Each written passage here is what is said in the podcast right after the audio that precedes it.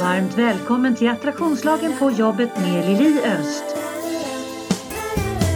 Podden där vi pratar personlig utveckling på ett helt nytt sätt.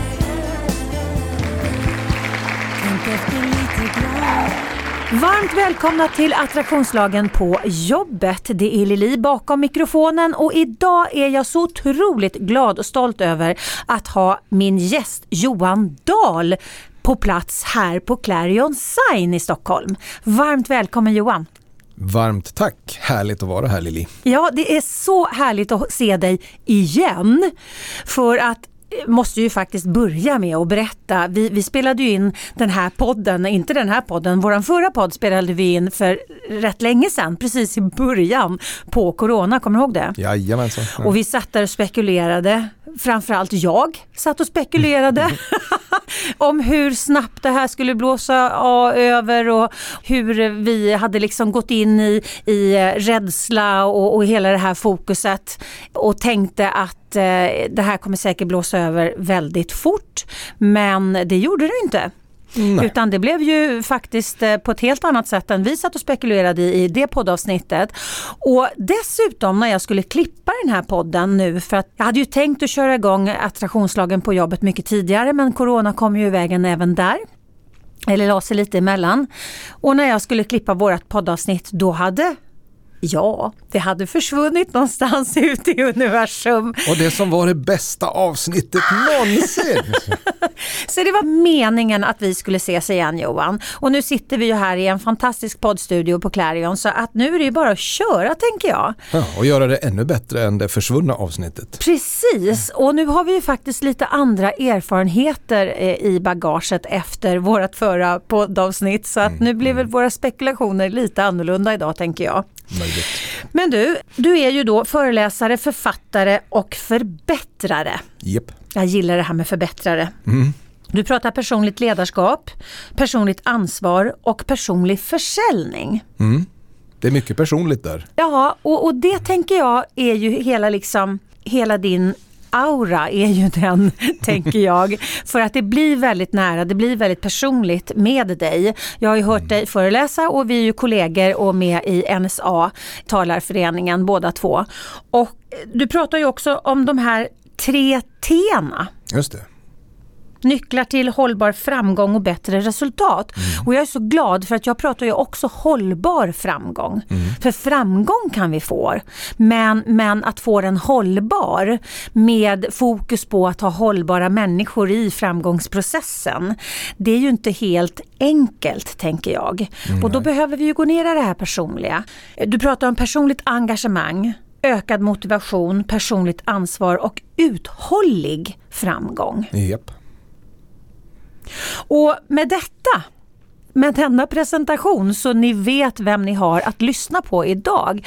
Så, så tänker jag Johan, vad är din reflektion ifrån där du står på de här senaste månaderna? Vad är det du märker i dina, i dina klienter, i dina kunder? Vad är behovet just nu?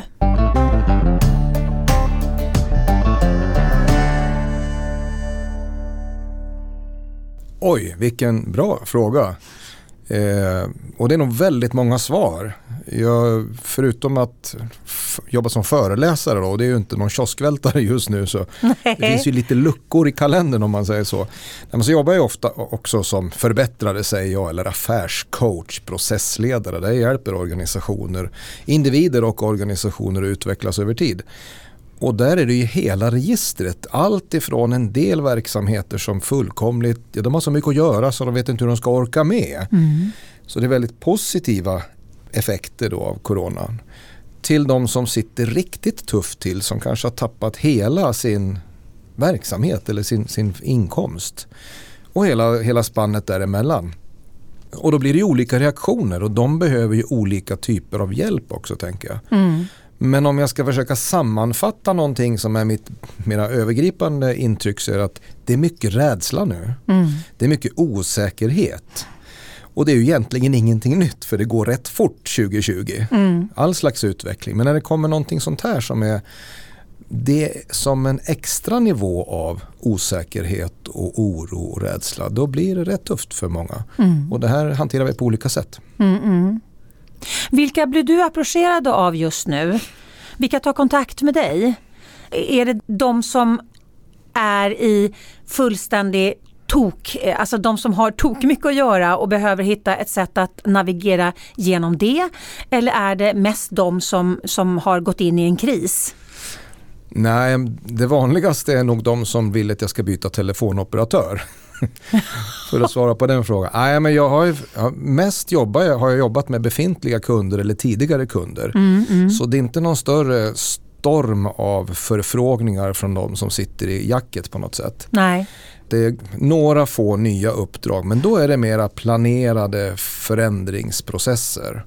Så det är inte så mycket panik och, och sånt som jag har fått i nya uppdrag i alla fall. Mm, mm, Sen har jag mm. några kunder då, som jag sa som, som har fått riktigt tuffa utmaningar och där har det varit väldigt värdefullt för dem att ha någon sån som kommer lite utifrån med ett annat perspektiv och kanske kan stå för någon form av stabilitet. Jag, vet, jag har en, en uppdragsgivare som på riktigt sa att du har ju räddat vår verksamhet. Och det är ju inte jag som har räddat verksamheten men mitt förhållningssätt och mitt sätt att hjälpa den ledaren, den chefen att ta beslut har ju lett till att företaget har klarat sig väldigt mycket bättre än om paniken hade fått råda man bara dragit i alla trådar samtidigt. Mm, mm, mm. Så att, ibland är det väldigt nyttigt med någon som har ett utanförperspektiv som kan vara lite coolare kanske. Ja absolut och som inte går in i, alltså det är ju väldigt enkelt när man är inne i en, kris. Då, ju, då, då, hamnar man ju i affekt. Mm. Och när man hamnar i affekt då får man ju tunnelseende och då blir man inte speciellt smart. Och, och, det är ju det som vi behöver den största hjälpen med att liksom öppna upp vårat tankesegel för att se andra möjligheter. Och absolut. det är ju det som vi som coacher kan, kan vara ett bollplank för att hjälpa människor att göra. Mm. Men jag tänker just det här eh, med förhållningssätt. Jag tjatar ju förhållningssätt hela tiden mm. eftersom det är det som ligger till grund tänker jag för hur vi tar oss an saker, vad det skapar för känsla i oss och vad det skapar för resultat. Mm. Inte bara om man tittar rent kognitivt och beteendemässigt utan även när jag tittar på det ur mitt perspektiv där jag blandar in attraktionslagen och, ja. och energiperspektivet. För att det är ju då genom våran känsla av som vi interagerar med attraktionslagen. Och om vårat mesta fokus är just på rädsla då blir vi ju väldigt lågfrekventa och på en låg frekvens, negativt fokus ligger på en låg negativ frekvens. Och om man tittar på universum som, ja men tänk som, som megahertzen, P1 och P4. Du sätter ju mm. inte på P1 om du vill lyssna på P4 för det Nej. fattar ju du att du hör inte den kanalen då. Nej. Men däremot så tror man att man kan ha ett negativt känslofokus men förväntar sig positiva resultat. De hittar ju inte varandra på samma sätt som inte P1 och P4 hittar varandra. Mm, nej, det verkar inte funka så bra. Nej, det gör ju inte det och det tänker jag, det är så viktigt att ha det med sig i sin tankeverktygslåda. Mm. Framförallt nu under den här krisperioden och i alla kriser självklart men nu är det en sån påtaglig kris som är, den är långvarig och den är, den är på så många olika plan. Mm. Och jag tänker att det är extra viktigt när det är kris och tuffa tider men det är alltid viktigt. Mm. Och du, du, nämnde en av mina föreläsningar, tre gånger T, mm. nycklar till hållbar framgång. Det, ett av de T handlar ju om tillstånd och det är verkligen förhållningssätt. Det vill mm. säga, vilket tillstånd väljer jag att vara i när jag ska göra det jag nu ska göra. Mm. Och min upplevelse är att väldigt många människor tänker inte ens och förbereder inte utan bara rusar in i någonting och då blir man ju ganska känslo och händelsestyrd. Ja, man lever det, i reaktion på det som slängs i knät på en Eller hur? Ja. Och är det då så att det ligger en blöt filt av mm. hot och oro över hela samhället så är det klart, då är det lätt att fastna i det. Och då kommer det att påverka våra val och våra beslut och hur vi mår. Mm. Och hur vi mår påverkar också våra resultat. Absolut. Så det, det, är ju liksom, det är ju en loop, det blir ju moment 22. Mm. Och, och det moment 22 kan ju bli väldigt negativt om vi inte är tankemedvetna. Sant. Eh, mm. Tänker jag. Ja. Och, och de andra två T, vad står de för då? Du lyssnar på Attraktionslagen på jobbet. Podden som utmanar gamla sanningar och inspirerar till nya tankegångar. Ja, det är hemligt det. det måste man köpa föreläsningen för att veta. Ja, lite så. uh, nej, eh, det, T nummer två, det menar jag, det är kanske svaret på en av vår tids största folksjukdomar. Någonting som väldigt många brottas rätt mycket med.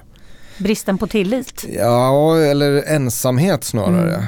Eh, och framförallt den upplevda ensamheten. Mm. Och det finns ju massor av spännande forskning som inte är så kul att läsa för den är ganska nedslående. Men det tenderar som att vi mår sämre och sämre och vi upplever mer och mer ensamhet och utanförskap mitt ibland alla människor. Mm. Och sen är jag lite nyfiken på vad kommer att hända när vi börjar se konsekvenserna av jobba hemma eh, vågen som nu kommer av, av mm. corona här. Mm. När allt fler ja, dels rent så, nu ska vi jobba hemma. Många organisationer som säger det. Men allt fler börjar också vänja sig vid, ja men det här funkar ju ganska bra. Mm.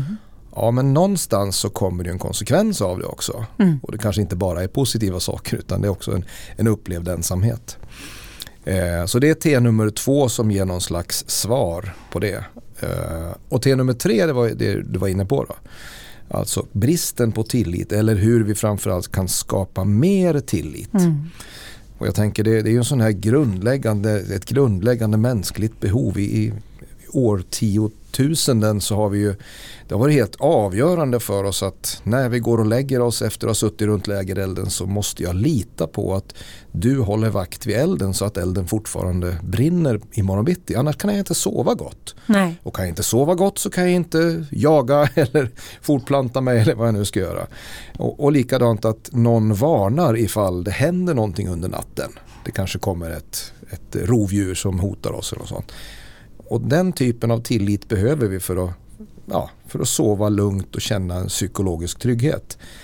Saknas den tilliten så blir det någon form av hotrespons som ligger på mest hela tiden och där är många idag. Mm.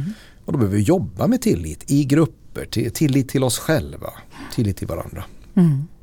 Otroligt viktigt. Alltså jag tittade på, jag vet inte om du har sett den, The Social Dilemma på mm, Netflix mm. häromdagen. Ja. Apropå brist på tillit med tanke på alla, alltså den här äh, myriaderna av fake news vilket gör att ingen litar på någon längre för Nej. att ingen litar på att det är sann och adekvat information. Eh, har inte du som lyssnar på den här podden sett den så kan jag varmt rekommendera den eh, för att den var, den var väldigt, väldigt både skrämmande men jag ser också, jag förstår väldigt, väldigt mycket frågeställningar som jag får runt mina klienter med den här upplevda ensamhetskänslan för att man tittar på människor som verkar, alltså det är inte så att vi lägger ut på Facebook eller Instagram eller vad det nu kan vara för någonting, våra liksom sämsta våra sämsta dagar eller våra mest händelselösa dagar. Utan vi lägger ju hela tiden ut när någonting är happy-go-lucky. Mm. Eller man har lyckats med någonting eller man har nått något mål eller man har fått in någon ny kund eller vad det nu kan vara för någonting. Just nu på LinkedIn så är det ju väldigt mycket liksom eh, det, det händer väldigt mycket just i bekräftelsefacket på, på LinkedIn just nu. Och om man då tittar på det och därtill sitter hemma och jobbar och kan inte spegla sig i någon. Du kanske är singel, du kanske inte ens har några barn, vilket gör att du är ensam ensam på riktigt och du kanske inte kan träffa dina nära och kära. Dina föräldrar kanske är gamla och sjukliga så att du inte kan träffa dem. Dina syskon kanske bor i en annan stad om du har några. Alltså det finns ju väldigt, väldigt många människor som är ensamma ensamma. Och har du då inte heller den här sociala tillförseln som blir när du går till ditt arbete, du hänger med dina kollegor, man plockar upp det mellanmänskliga, den här eh, psykosociala hälsan bygger ju på att vi, liksom, vi har ju en energi som går mellan varandra hela tiden. Om man inte har några av de här sakerna och så sitter du och tittar på Facebook och Instagram och så vidare och så ser du att alla andra verkar ha ett så mycket mer spännande liv än du. Även om du har haft en jättebra dag tills du började titta på hur ensam du var. Mm. Det, det, är rätt skrämmande. Mm. När, när smartphonen kom, när var det? De pratade om det i det här programmet, typ 2010, 2011 någonting sånt där. Då eskalerade den psykiska ohälsan och självmorden bland unga människor. Mm. Ja, det är otäcka signaler och, och, samtidigt så kommer vi ju inte att veta på riktigt förrän om många år. För forskning tar ju tid Mm. och att sammanställa data och sånt det tar tid innan man kan dra slutsatser. Och idag går utvecklingen så fort så då, då har vi ju ett nytt nuläge Ja. när vi har lärt oss hur det egentligen var för fem år sedan. Mm. Så att, ja, det är en spännande, spännande och lite skrämmande utveckling. Det, absolut både och. Men jag tänker att är det någon gång i historien som det har varit viktigare än någonsin att vända blicken inåt och, och som jag brukar tjata om, hitta sin mittpunkt. Att få självinsikt, veta vad har jag för behov? Precis som du pratade om förut det här med våra grundläggande behov. Om man tittar på Maslows behovstrappa till exempel. Eh, man ska känna sig inkluderad, vi ska känna oss trygga. Eh, alla de här, de, de två, tre första stegen i Maslows behovstrappa handlar ju om över, ren överlevnad. Och där är det väldigt, väldigt vingligt just nu. Ja, Så, så då behöver vi ju verkligen gå in i de här tre T'na tänker jag.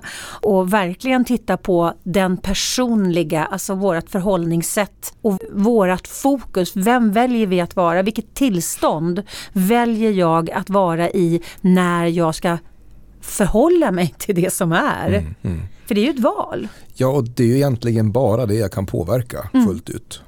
Det är mitt förhållningssätt, hur jag väljer att tolka, hur jag väljer att vilka, vilka val jag gör beroende på vilken situation jag hamnat i. Situationen är ju oftast som den är. Mm. Svårt att backa bandet men hur jag tolkar den och vad jag gör med den det kan jag ju alltid ta makt över. Mm, mm. Och där tänker jag, det behöver folk öva på mer än någonsin just nu. Mm. Att, och, och där tänker jag också, alltså när du börjar äga den frågan, då, blir vi ju, då, då rättar vi ju på oss med en gång. Mm. För att om vi känner oss som offer för omständigheter, då blir vi kraftlösa. Ja. Men om vi äger frågan, okej, det ser ut så här runt omkring mig. Hur ska jag förhålla mig till det? Mm. Hur ska jag navigera genom det här? Då helt plötsligt får vi ju kraft inifrån för att vi äger frågan. Absolut. Mm. Och jag tycker en bra sortering på frågor det är vad kan jag påverka och vad kan jag inte påverka. Mm. Den, den sorteringen är ju väldigt frigörande. Mm. För de svaren som kommer fram under rubriken det jag kan påverka, det är ju där jag ska lägga mitt fokus. Allt annat är ju faktiskt omständigheter. Ibland kan det vara lättare sagt än gjort men det är ändå så. På min hemsida liliost.se hittar du massor av matnyttig information både för dig som privatperson såväl som för er som företag. Du hittar mina onlinekurser och vad som är på gång och aktuellt just nu. Du kan köpa mina böcker och få dem signerade och du hittar min musik, bland annat vignettmusiken till podden. Och under fliken gratis har du nedladdningsbara pdf och minikurser som kan hjälpa dig att lyfta ditt liv och teamet till en ny nivå. Du pratar ju lite grann om samma saker som jag fast på ett lite annorlunda sätt. Då. Men du, du pratar ju också väldigt mycket energi, du pratar mycket alltså personligt fokus och, och, och tillstånd och så vidare. Hur, hur hamnade du där? För det finns många olika sätt att göra det vi gör på, både Ja. du och jag. Eh, Hur hamnade du där du liksom, där det känns rätt och, och sant för dig? Jag, jag var hungrig. Jag behövde mat på bordet. Mm. Ja, är det kanske ett fånigt svar på en, en bra fråga? Nej, men så här var det att jag, jag har ju liksom jobbat som entreprenör, startat och drivit olika verksamheter. Och tyckte att det har varit himla roligt och spännande. Och med, med och motgång, så man lär sig av misstagen brukar jag säga. Och jag har gjort många sådana, så jag har lärt mig mycket. Men för 18 år sedan är det nu så jag hade ett bolag som hade varit framgångsrikt länge. Jag såg mig som framgångsrik. Jag hade den här yttre framgången av massa personal och tjäna pengar och jobbade galet mycket. Men det var, liksom, det var också ett mått på framgång i de kretsarna. Mm. Och så kände jag någonstans att det var inte lika roligt längre. Så jag ville ju någonstans ta det här vidare till nästa nivå. Och då fick jag tipset om att eh, rekrytera en vd. Och bakgrunden till det var att den här personen som gav mig tipset sa Johan du är fantastisk på, på kundkommunikation, på försäljning, service. Du är grym på att inspirera människor men vad gör du på dagarna egentligen? Ja, du sitter ju inne på ett kontor och håller på med administration och löser personalproblem. Så det var ju liksom inte den bästa användningen av mig som resurs tyckte han. Så bättre att anställa en vd som får göra skitgörat då. Och sagt och gjort efter mycket mod. Det krävdes väldigt mycket mod. Jag höll på och brottades med det här. För det här var ju mitt livsverk. Det här var Din ju min bebis, bebis. liksom. Verkligen. Mm. Så det var ju som att franchisea ut barnen ungefär. Så, så tog jag ändå det beslutet och, och rekryterade en vd. Och det var ett bra beslut i det korta perspektivet för resultaten blev ännu bättre då. Och i ungefär samma veva så hade jag börjat intressera mig för personlig utveckling och kom in på det här och gick på seminarier och läste böcker och kurser. Och då gick jag en coachutbildning. Och där hade vi en modul som handlade om feedback där vi gjorde en massa övningar. Och då fick jag, jag fick två väldigt viktiga insikter i den här feedbackträningen. Den ena insikten var att jag tog åt mig av negativ feedback så mycket starkare än av positiv feedback. För det bara rann av mig som om jag vore en gås. Och den andra insikten var att jag hade ett samtal med mig själv. Jag hade ett, en liten röst i huvudet som jag tror att de flesta av oss har. Och den här rösten var också väldigt negativ och fokuserad på fel och brister. Mm. Så en av frågorna som jag hela tiden ställde till mig själv var så här, vad är det för fel på dig Johan? Och efter ett tag så blev ju listan av fel och brister ganska lång och nu kände jag mig allt annat än framgångsrik. Mm. Så det blev ganska mörkt. Dessutom visade det sig att jag hade rekryterat fel vd. Så den här personen förskingrade pengar och det var han ganska bra på så bolaget eh, det slutade med konkurs. Och jag hade ju tagit mina sista besparingar och skulle rädda det sjunkande skeppet och verkligen så här, det var ju mitt livsverk. Jag kämpade och slet ganska länge. Och vi hade inte pengar till att betala leverantörer och skatter och, och löner och sånt i tid. Och, och det här var så här enormt viktiga värderingsfrågor för mig, att man Mm. gör rätt för sig. Mm, Liksom. Så jag gick runt och skämdes i, över det här trots att det faktiskt var någon form av framgång bakom det. Då. Och till slut gick det som sagt inte längre, företaget kraschade och jag gick i backen. Och då blev ju den här rösten ännu mer kritisk. Så nu var det ju inte bara frågor om vad som var fel med mig. Nu var det ju bevis på att jag var ju helt värdelös. Jag kunde ju inte ens driva företag längre. Så med det lyckades jag utveckla en depression som ledde till självmordsförsök. Och ja, men hela livet var ju kolsvart. Och, och tack och lov då så fick jag ju hjälp här. Annars är det ju tveksamt om, jag hade, om det hade blivit någon fortsättning.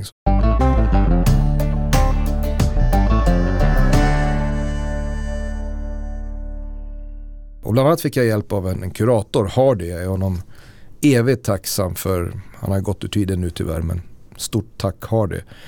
För han vände på frågeställningarna för mig. Och bad mig testa frågan, vad är det som är bra med dig Johan? Mm. Och nu får jag, jag får så här Ja. rysnings, chill, heter goosebumps. Ja, Mm. och det här kan ju ses som en ganska liten skillnad men för mig var det den skillnaden som Mm. gjorde skillnaden. Mm.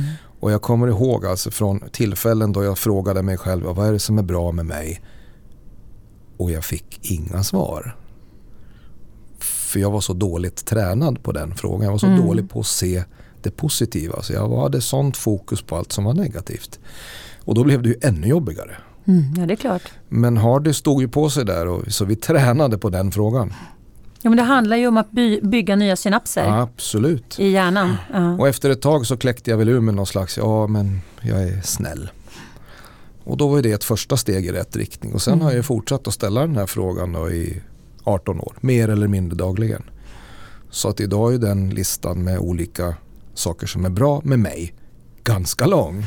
Och den hjälper mig väldigt mycket. Och sen har jag lagt till flera frågor när jag börjar förstå den här liksom kraften i att ja, men du kallar det energier, frekvenser och, och jag kallar det tillstånd Mm. eller vad vi nu väljer. Att, vad vi väljer att fokusera på. Så då kan man ju lägga på frågor som till exempel vad är jag tacksam för? Tacksamhet och tillit är två av våra absolut starkaste verktyg. Mm. Mm. Vad, vad gör mig glad? Mm. Vad tyckte jag var kul idag? Vad har jag lärt mig idag? Hur vill jag vakna imorgon? Mm. Hur kan jag berika andra människors liv? Hur kan andra människor berika mitt liv? Och en hel, ett helt batteri med sådana frågor som ger bättre svar. Och det blev en viktig insikt.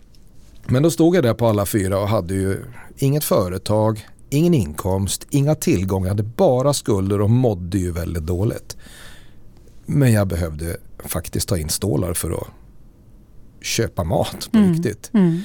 Ingen trevlig situation att sitta i. Eh, Jag lånade pengar av min dotter för att betala hyran och då är man inte kaxig kan jag säga. När man Nej. dessutom har levt med den här yttre framgången och ganska van att ha det gott ställt. Och hade jag haft det tufft tidigare så hade jag väl liksom köpt en ny bil då eller något sånt. Men nu fanns det inte ens en bil. Jag hade ju fått sälja allt jag mm. ägde och hade. Så min identitet hade ju fått sig en ordentlig smäll. Och jag insåg också att även om självförtroendet hade varit gott så min självkänsla, alltså mitt upplevda värde av den jag var bara för att jag var Johan, det var ju ingen höjdare. Så där kom den insikt att det här behöver jag träna på och det gjorde jag med hjälp av nya frågor. Då. Men för att få någon form av inkomst, jag sökte ju jobb och jag hade ju fina relationer med tidigare kunder. Och tänkte att ja, ja, men hur svårt kan det vara? Jag känner ju ganska många högt uppsatta personer som jag har långa relationer med och de har varit jättenöjda med vad vi har levererat. Jag tänkte ja, ja, jag får väl något chefsjobb i alla fall. Men det fick jag inte. Och då blev det så här, hur ska jag göra för att få in några kronor i alla fall? Mm. Och då kom jag ihåg att under tiden som jag drev den här byrån så hade en del kunder ändå frågat Johan kan inte du komma ut och, och prata med vår ledningsgrupp eller prata med vårt säljteam eller något sånt. Vi ska ha en kick-off. Kan inte du vara med och prata lite om hur du ser på kundkommunikation, hur man sätter mål och sådana frågor. Och jag hade ju aldrig sett mig som föreläsare. Jag hade ju inte ens vett att ta betalt för de här uppdragen men jag gjorde det med glädje. Och jag hade inget hinder för att stå på scen för jag hade en, en eh, hade en erfarenhet från tidigare från, från musiken precis som du. Mm. Så jag var ganska van att stå på scen så det fanns inte den där skräcken, scenskräcken. Då, utan ja, ja, det kan jag väl göra. Och nu när jag håller på att ta mig upp igen så kommer jag också ihåg att det här landade ju rätt bra. Det blev rätt uppskattat. Tänk om jag skulle göra det här och ta betalt för det. Då behöver jag dessutom inte jobba hela veckan utan kan ta ett steg framåt och få in några kronor. Mm. Det var faktiskt på överlevnadsnivå från början. Och då funkade det ganska bra. Och så blev det lite mer och lite mer. Och, ja, så nu har jag hållit på med det i 18 år. Vilken fantastiskt inspirerande, eh, fruktansvärd men fantastiskt inspirerande historia. För att mm. om man tittar nu på otroligt många ledare, många VDR, många egenföretagare där businessen verkligen har gått i putten nu mm. under Corona. Det går fort att hamna i en nedåtgående spiral. Oh, oh, Och framförallt om man inte är en medveten tänkare, tänker jag. Mm, mm. Om man fastnar i de här negativa tankeloparna som skapar negativa känslor som i sin tur interagerar med attraktionslagen vilket gör att man bara drar till sig ännu mer saker att oroa sig eh, för och så vidare. Det blir ju liksom ja, en själv, det blir ett självspelande piano. Jag tänker på det här, många ordspråk har ju någon form av sanning bakom sig. Mm. En olycka kommer sällan ensam. Men det verkar ju mm. ligga någonting i det. Man blir kanske som en magnet ibland när det, när det trasslar och krånglar. För det är där jag lägger mitt fokus. Ja, det skulle jag precis fylla i och mm. säga. Det är inte så konstigt för att om man tittar rent, alltså om man tittar på biofältet utanför oss själva om man tittar inuti oss själva, på cell, våra celler pratar med varandra. Mm. Men det finns också vetenskaplig forskning som visar att våra celler även kommunicerar med biofältet utanför oss själva. Okay. Och, och, det gör vi genom förväntningar. Mm. Genom vårt tanke och känslofokus och genom våra förväntningar. Så bara genom att ha den förväntan att en, sälla, en olycka kommer sällan ensam. Man väntar på hur många?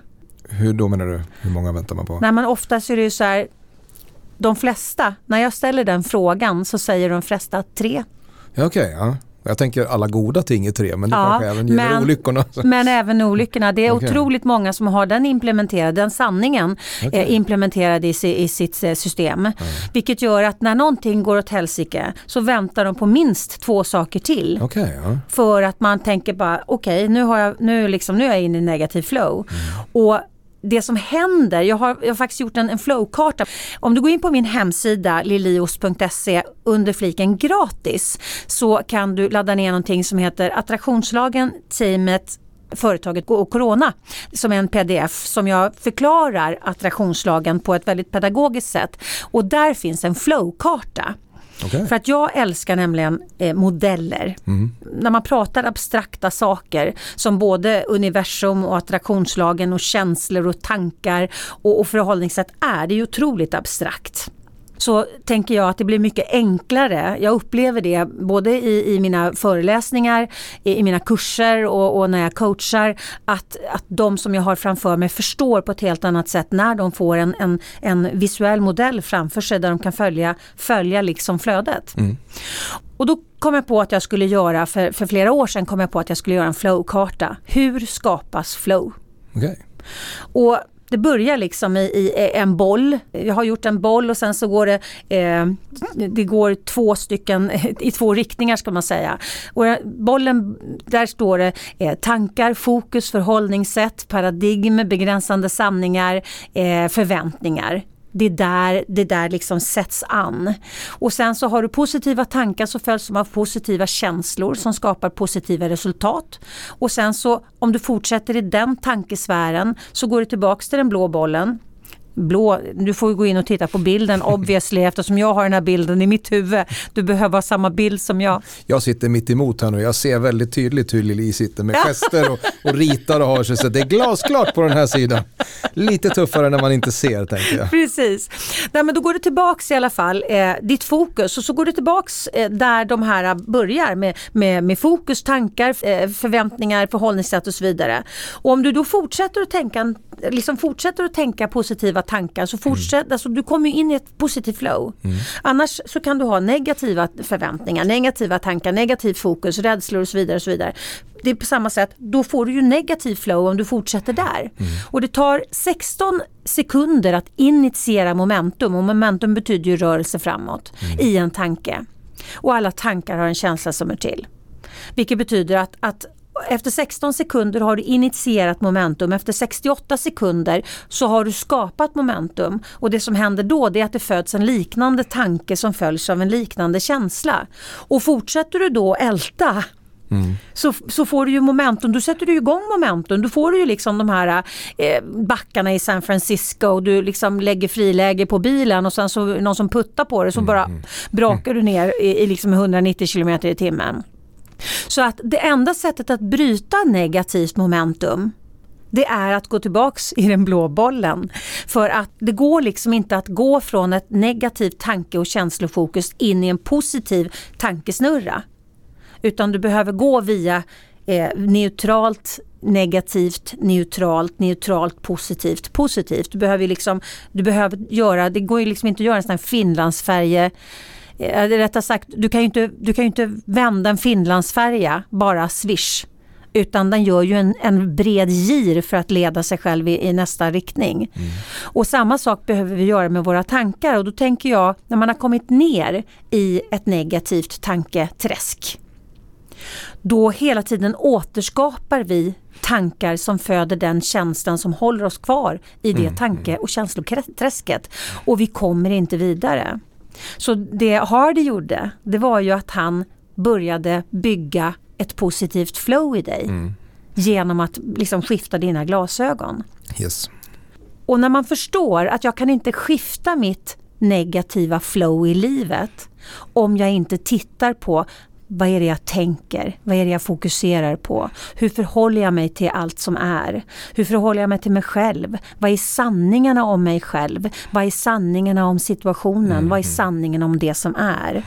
För det är där vi behöver gå, gå liksom in och justera för att byta från ett negativt till ett positivt eh, flow. För att du ska känna dig inspirerad att fortsätta följa podden ser hösten lite annorlunda ut. Varannan vecka blir det till exempel poddar både onsdag och fredag. I fredagsavsnitten bjuder jag in gäster och vi pratar attraktionslagen på jobbet. Jag kommer ha en stående gäst, Anki Brommert, som arbetar som parterapeut och ledarskapsutvecklare. Och våra samtal spänner definitivt över högt och lågt med fokus på relationer. Jag kommer blanda in poddavsnitt om vetenskap och forskning inom mitt breda område. Och jag får besök av andra spännande gäster som kan ge dig livsinspiration. Och självklart så kommer jag bemöta dina frågor. Så häng med mig i höstens avsnitt. Och jag tänker att i, allra helst när det är negativ riktning så då behöver vi ofta hjälp utifrån. Ja. För själva så fortsätter vi på det sättet som vi har någonstans automatiserat. Jag brukar säga det, och det är svårt att se etiketten när jag sitter i flaskan. Så det är så lätt att jag ser bara den verkligheten jag nyss kom ifrån. Mm. Det kanske inte är precis där jag vill vara. Då behöver någon annan utifrån komma och ruska om lite grann eller mm. hjälpa mig att se någonting annat. Och då kan till exempel skifte av frågor vara väldigt. Det är därför som coaching tycker jag är, är så himla kraftfullt. För då, mm. då är det någon annan som med ett annat perspektiv ställer helt nya frågor. Som får mig som klient att tänka till och tänka på ett nytt sätt. Mm. Jag älskar den här när man när, när mina klienter säger någonting och så säger jag så ja så kan man ju tänka. Mm. Om, man, om man tittar på det från det här hållet då? Mm. Om man tittar på det eh, genom de här glasögonen.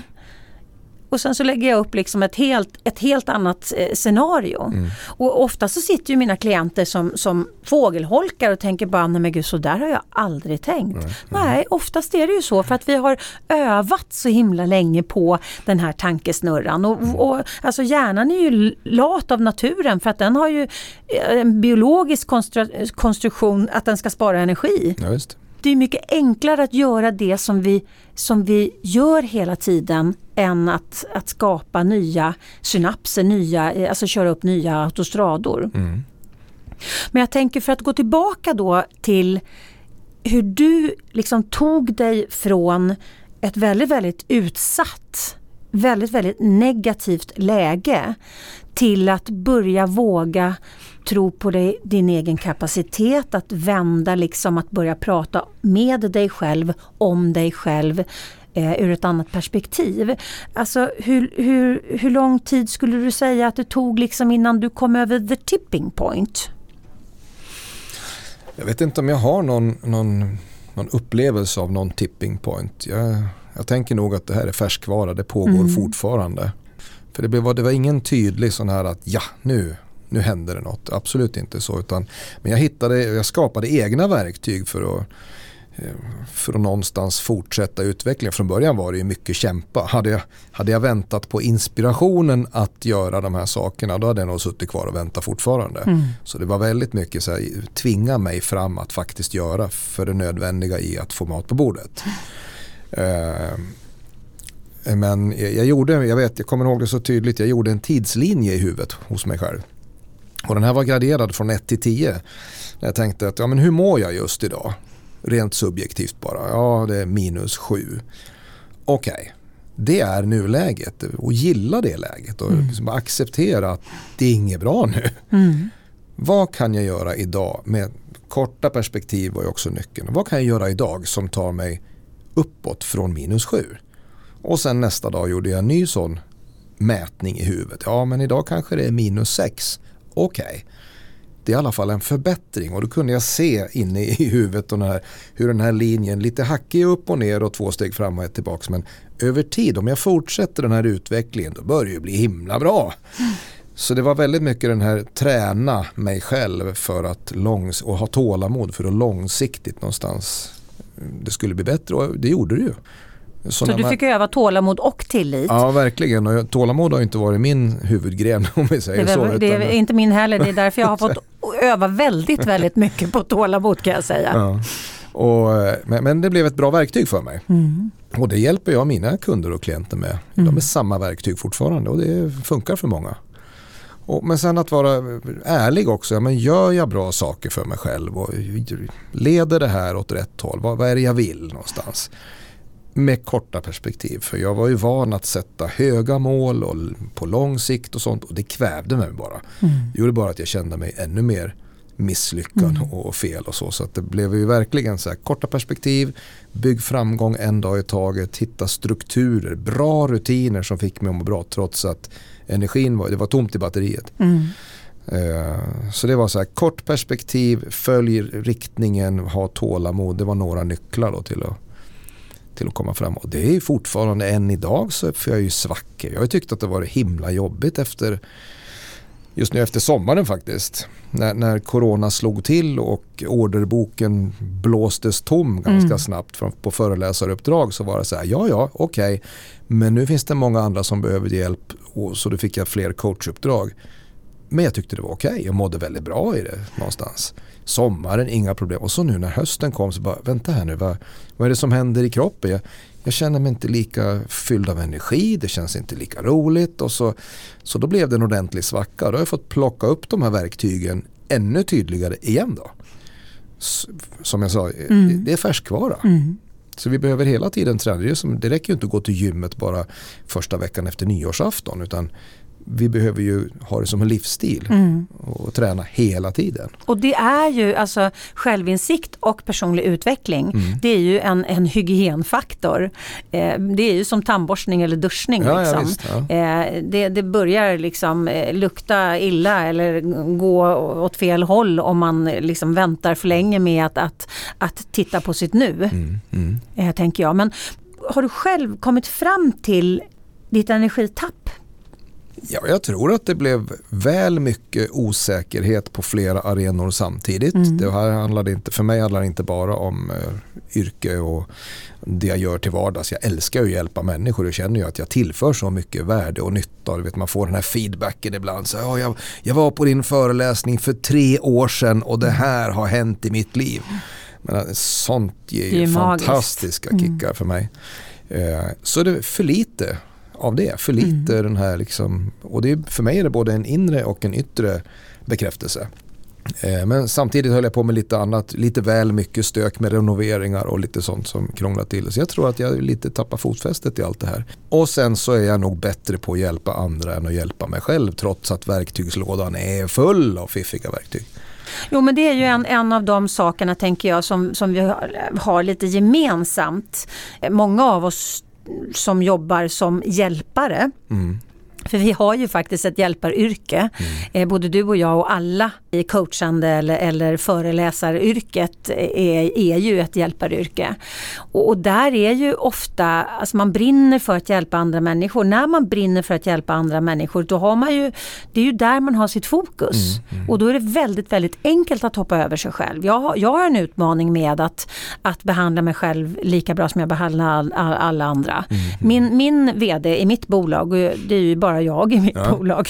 Eh, hon kan vara en riktig eh, alltså slavdrivare.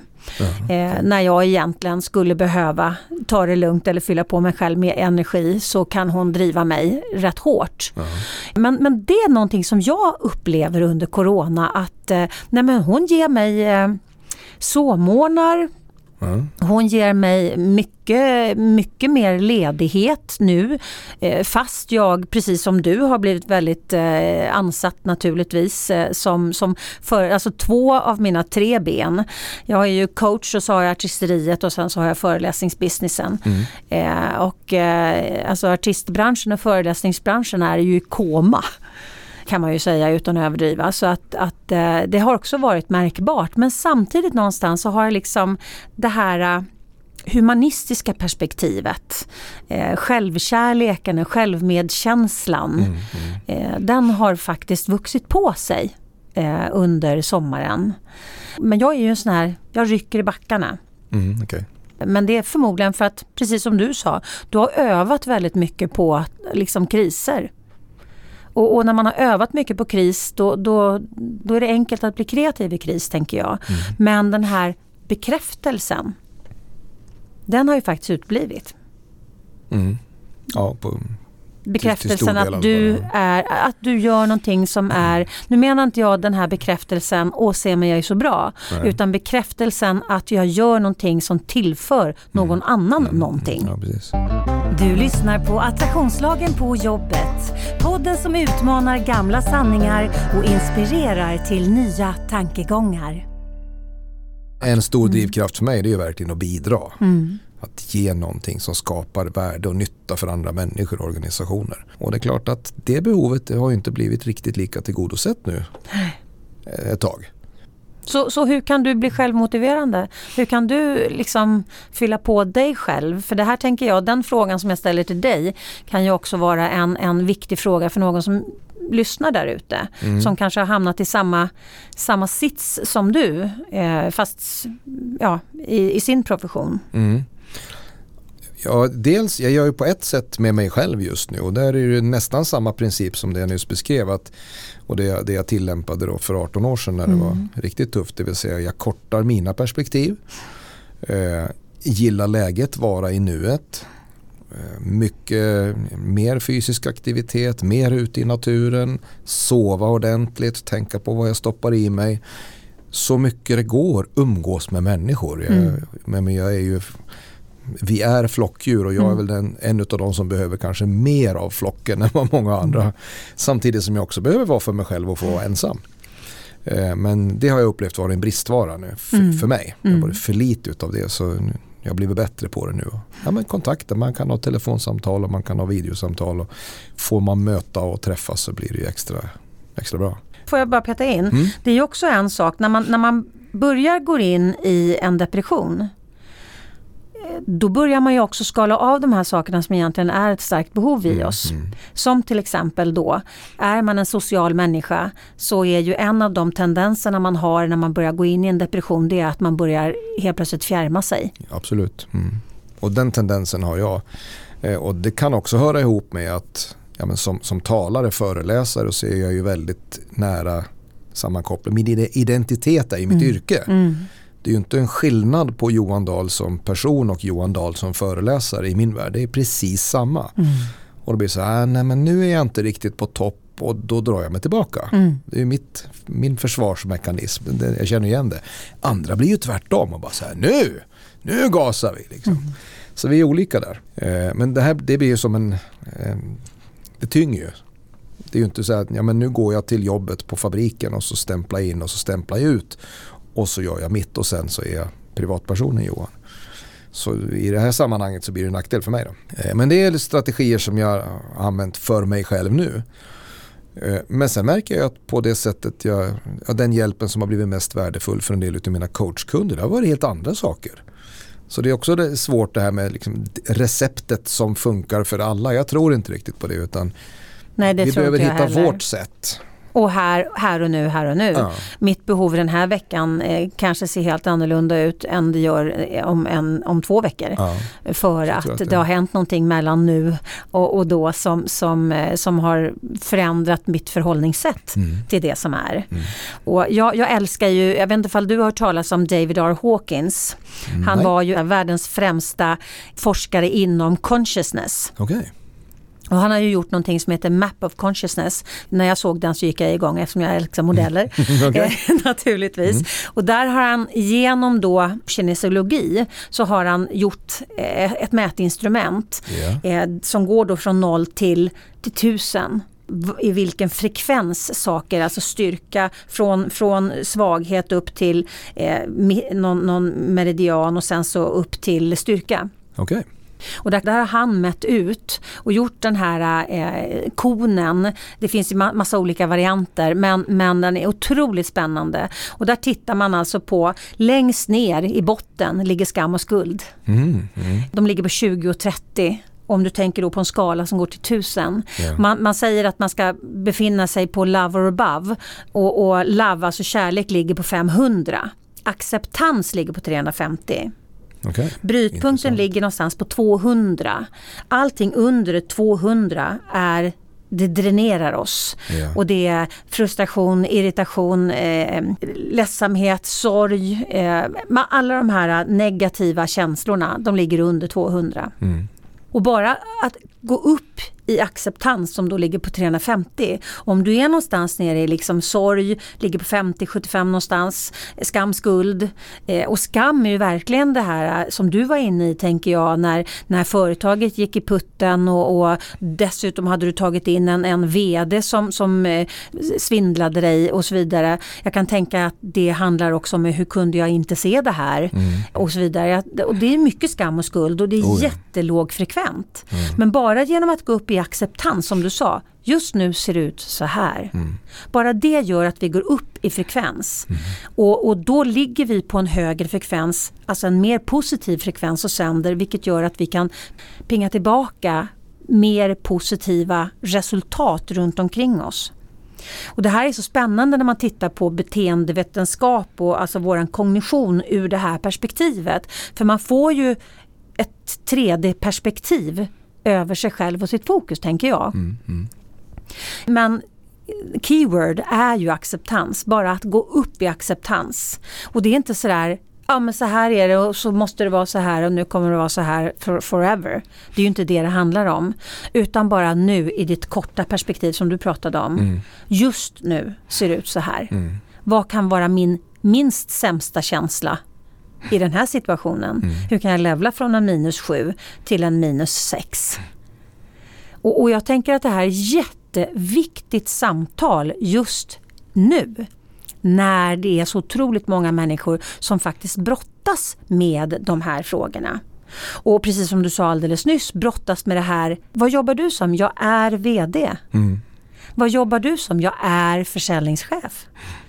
Inte jag jobbar som försäljningschef utan jag är försäljningschef.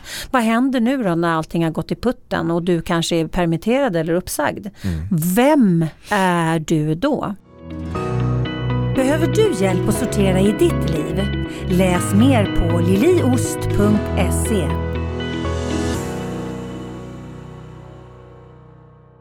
Så det är väldigt, väldigt många brustna självbilder Mm. ute och flaxar just nu tänker jag.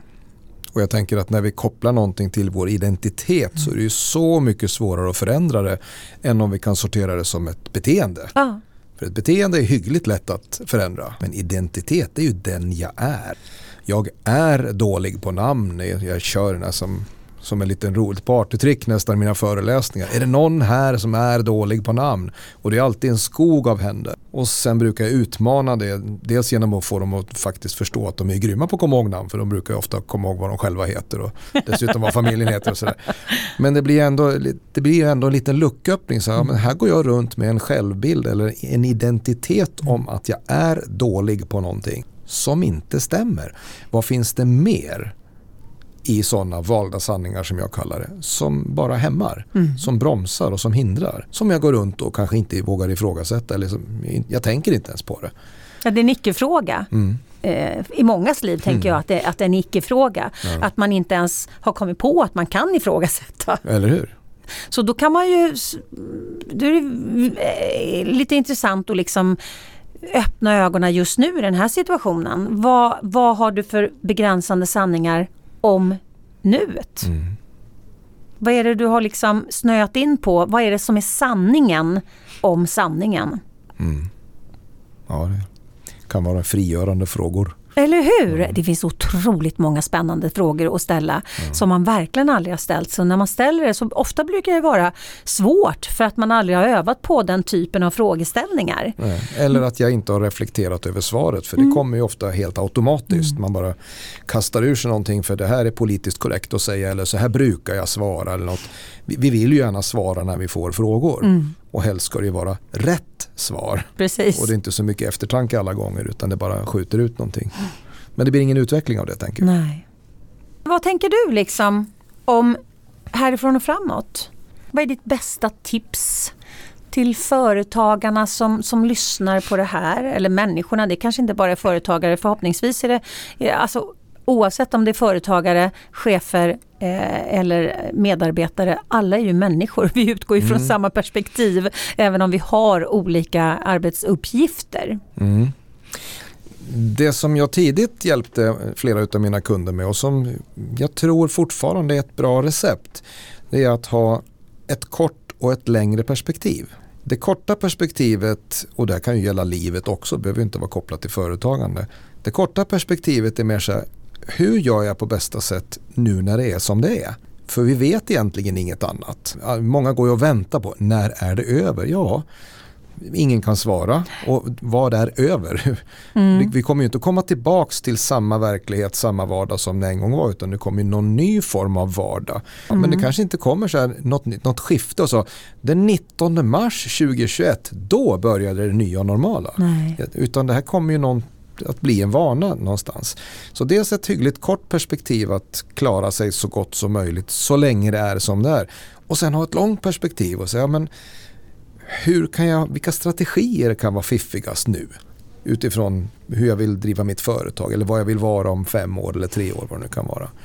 Och jag tror att kunna hålla båda de perspektiven igång samtidigt det, Mm. det är nyttigt, är vinnande. Det var ett väldigt bra tips tänker jag. Tack. Ja. jag, tänk, jag tänker så som just föreläsarbranschen. Du tänker, jag använder precis det verktyget själv. Att i det korta perspektivet, hur gör jag hur gör jag så att jag någonstans håller mig flytande, satsar mer på coachuppdrag och förändringsförbättringsprocesser. Men en dag så är jag helt övertygad om att då kommer det här uppdämda behovet av att samlas, att ha konferenser, möten, kickoffer med hög kvalitet. Det kommer att vara sån efterfrågan så att vi kommer att ha högkonjunktur vi talare, vi föreläsare. När det blir har jag inte en tjusning om. Nej. Men att det kommer, det, det är min övertygelse. Så där så kombinerar jag, om jag tänker min karriär, mitt företagande då, kort och långt perspektiv samtidigt. Mm. Och det tänker jag, för att prata eh, frekvenser igen, är ju ett väldigt bra sätt att förhålla sig till en osäker nutid Mm. eh, och en osäker framtid för att du har gått in i acceptans Mm. eh, och du tittar på det ur ett möjlighetsperspektiv. Mm. Det- som egentligen är frågeställningen det är ju näret. Eh, när, det är ju det som är den enda liksom, attet finns ju. Men det är ju näret som, är, som, är, eh, som, som inte är tydligt. Nej. Men bara genom att gå upp i acceptans och göra den här strategin har ju gjort att du har levlat upp i frekvens och faktiskt får en skönare känsla i magen. Och det är lättare att förhålla dig till det som är för att du inte är i affekt utan du har skapat själv eh, en, en skönare känsla i magen. Mm. Och det, det är viktigt. Det är avgörande viktigt skulle jag säga ur mitt eh, såklart perspektiv där jag pratar om, om, eh, om frekvenser och känslor. Ja. Men du Johan, alltså time flies when you have a ball. Så är det. Eh, var hittar man dig om man tycker att du låter som en intressant eh, person? Precis som jag tycker att du är. Det är därför du sitter här i studion med mig. Tack så mycket. Jag har en hemsida som heter JDU. Det är förkortningen av Johan Dahl Utveckling. Mm. jdu.se. Eh, Jag finns på Facebook, jag finns på LinkedIn och så finns jag ju live. Så man kan ju till och med ringa till mig om man har frågor eller man kan mejla mig. Så 0709 10 43 00 telefonnumret och mejla gärna på johansjdu.se så ska jag göra vad jag kan för att hjälpa till. Lysande och jag lägger också upp den här informationen på attraktionslagen 2.0 och det är en två och så punkt med bokstäver och så är det nolla.se. Där kommer ni hitta eh, informationen till Johan och på Youtube-kanalen kommer också ligga Johans eh, kontaktuppgifter. Toppen. Nu ska jag släppa iväg dig. Du ska väl sätta dig på tåg och dra iväg eh, till eh, hem igen tänker jag? Eller? Stämmer bra. Jajamensan. Mm. Vi, har- vi, vi i Stockholm tackar för att du kom förbi. Jag tackar för att jag fick komma förbi. Jättehärligt jag hoppas verkligen att jag kan få dig tillbaka till studion vid ett senare tillfälle. Jättegärna. Och tack snälla Clarion Sign för att ni är så fantastiska och upplåter den här eh, poddstudion till oss podcasters. Ja, det är fantastiskt. Det är stort. Det är väldigt stort och väldigt härligt och känns väldigt lyxigt. Men tack snälla du för att du var här eller är här och tack snälla du som lyssnar och eh, missa inte att podden kommer ju naturligtvis tillbaka redan på onsdag attraktionslagen 2.0 och varannan fredag är det attraktionslagen på jobbet. Och är det så att du kommer som ny lyssnare nu, ja då har du över 100 poddar bakåt att lyssna in dig på om du tycker att det är spännande med personlig utveckling utifrån det här perspektivet. Tills vi hörs igen, ha en fantastisk vecka. Hej då! Hej då! Du har lyssnat på podden Attraktionslagen på jobbet. Podden som utmanar gamla sanningar och inspirerar till nya tankegångar. Tänk efter lite grann. Hur har du det omkring